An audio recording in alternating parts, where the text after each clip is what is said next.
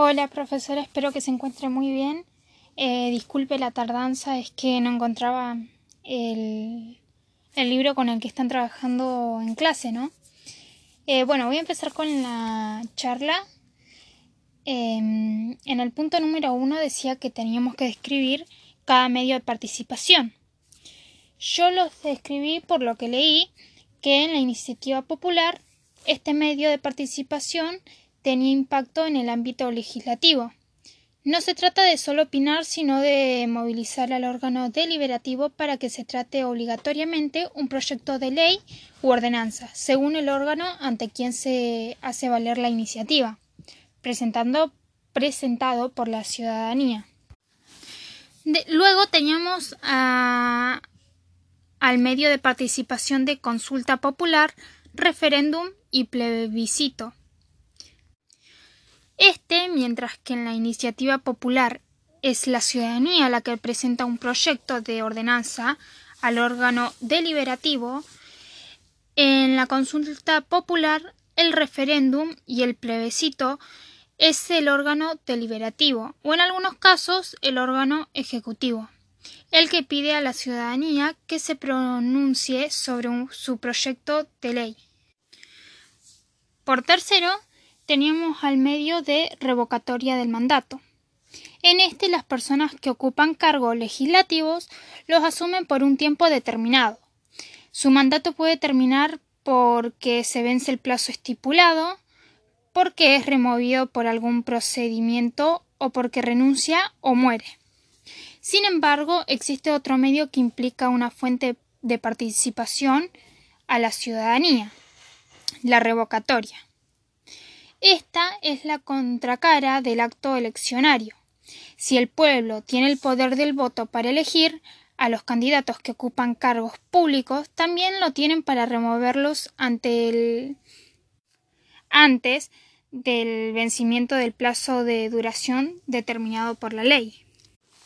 Eso era hasta el punto número uno. Luego, en el 2, nos decía que teníamos que elegir uno de estos medios de participación y eh, buscar información, ya sea en Argentina o en el resto del mundo, en donde se haya dado un acontecimiento y teníamos que describirlo. Yo eh, investigué eh, sobre uno que sucedió acá en, Argentina, que es el del aborto. Em, lo que investigué fue que se refiere a la historia y al estado actual del aborto voluntario.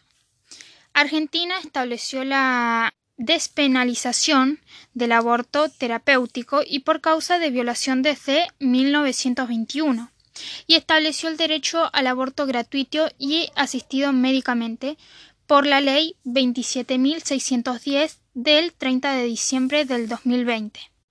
En los casos ya habilitados desde 1921 o en todos los demás casos cuando la gestación no supere la semana 14 incluida. La ley entró en vigencia en todo territorio nacional el 24 de enero del 2021 tras la promulgación del presidente de la Nación, Alberto Fernández. Un estudio encargado por el Ministerio de Salud en el año 2005 y conducido por las demógrafas Edith Edith Pantelines y Silvia Mario. Concluyó que se producen anualmente entre 370.000 y 520.000 abortos inducidos legales y no legales. En una población de 47, perdón, 45 millones de habitantes.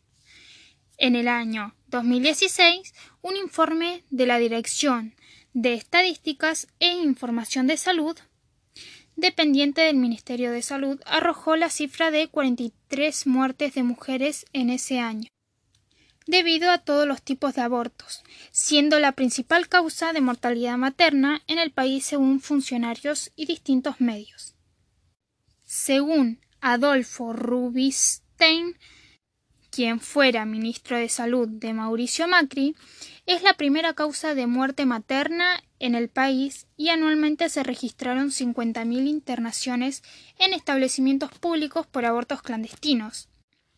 Numerosas organizaciones políticas, científicas, feministas y derechos humanos bregaron históricamente por la legalización plena del aborto. En resumen, el aborto en Argentina es legal, pero además ya es una realidad. El 24 de enero encontró vigencia en todo el país la Ley 27.610, que regula el acceso a la interrupción voluntaria del embarazo y a la atención post-aborto. Luego tenemos en el punto número 3. Luego, en el punto número 3, em, nos decía que en grupos realicemos una simulación de algunos de estos medios de participación. Yo eh, lo voy a hacer em, sola. Y el, el medio de participación que utilicé fue el, la de iniciativa popular.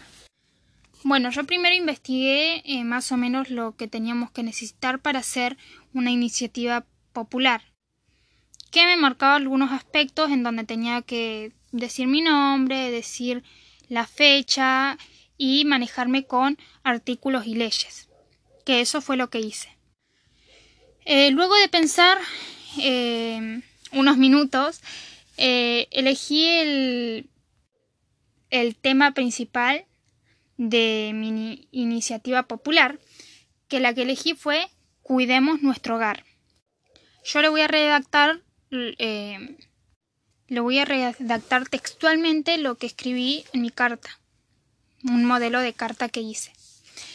Yo, Lluvia Ixayana, por Orizuela, DNI 47.299.716, hago presente el día de la fecha 19 del 10 del 21 esta carta para exigir que entre todos colaboremos para cuidar nuestro medio ambiente, ya que, como dice el artículo 41 de la Constitución Nacional, todos los habitantes gozan del derecho a un medio ambiente sano, equilibrado, apto para el desarrollo humano y para que las actividades productivas satisfagan las necesidades presentes sin comprometer la de las generaciones futuras, y que tienen el deber de preservarlo. El daño ambiental generará prioritariamente la obligación de recomponer según lo establezca la ley. Las autoridades proveerán a la protección de este derecho, a la utilización racional de los recursos naturales, a la preservación del patrimonio natural y cultural y de la diversidad biológica y a la información y educación ambientales. Corresponde a la nación dictar las normas que contengan los presupuestos mínimos de protección y a las provincias las necesarias para complementarlas sin que aquellas alternen las jurisdicciones locales. Si se prohíbe el ingreso al territorio nacional de los residuos actual o potencialmente peligrosos y de los radiactivos. Eso es lo que dice el artículo 41. Aparte de ser un derecho que nos brinda la Constitución Nacional de Argentina, nos trae riesgos para el ser humano como por ejemplo la falta de acceso al agua segura, en caso de recibir el agua contaminada, contraeríamos enfermedades. La, la, contaminación del aire, este es el principal factor para vivir y al estar contaminado también nos entran virus, bacterias, entre otras cosas, a nuestro organismo. La presencia de insectos y otros animales que transmiten enfermedades, radiaciones ionizadas y no ionizadas, entre otras cosas que para nada son positivas. Aparte, nuevamente, como el artículo 41 dice, que las actividades productivas satisfagan las necesidades presentes sin comprometer la de las generaciones futuras, o sea que podemos gozar de nuestro ambiente, pero no tenemos que comprometer la de las generaciones futuras. Por eso hice este proyecto, ya que primero, para cuidar nuestro único hogar que es el planeta Tierra, segundo, para mantener el bienestar de todas las personas, tercero, porque hay que cuidar el planeta para las personas que habitan el mismo, Y por último, porque hay un derecho que nos ampara. Lo único que pido es que entre todos podamos ayudar. Si es necesario, cada uno en su barrio y todo será más fácil en un futuro. Y cada uno podrá gozar de su derecho.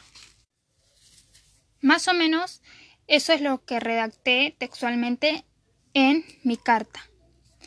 Luego, por último punto, teníamos el 4 que dice que realizamos la actividad número 9 que aparece en el pie de la página, que dice cuáles pueden llegar a ser las dificultades concretas para poner en práctica cada uno de los medios de participación ciudadana señalados. En primero, en la iniciativa popular, la dificultad es conseguir firmas, ya que el proyecto para uno puede ser positivo, pero para otros negativos. Así que es lo que llevaría más dificultad. En segundo está consulta popular, referéndum y plebiscito.